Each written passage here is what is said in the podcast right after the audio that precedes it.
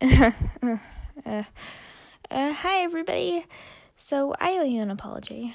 Last episode, the ending really seemed like there was going to be some big, dramatic something. I don't know. Uh, but, um, it's kind of embarrassing. Um, it was my parents taking a walk.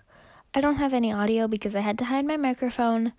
But yeah, I had to explain why I was talking to myself, and long story short, I'm pretty sure my mom thinks I'm crazy. So I'm sorry, no conspiracy for now. Though I think I might have uncovered something. I hung back after my parents started to walk home, and I checked the hole that I was about to check out before I got interrupted.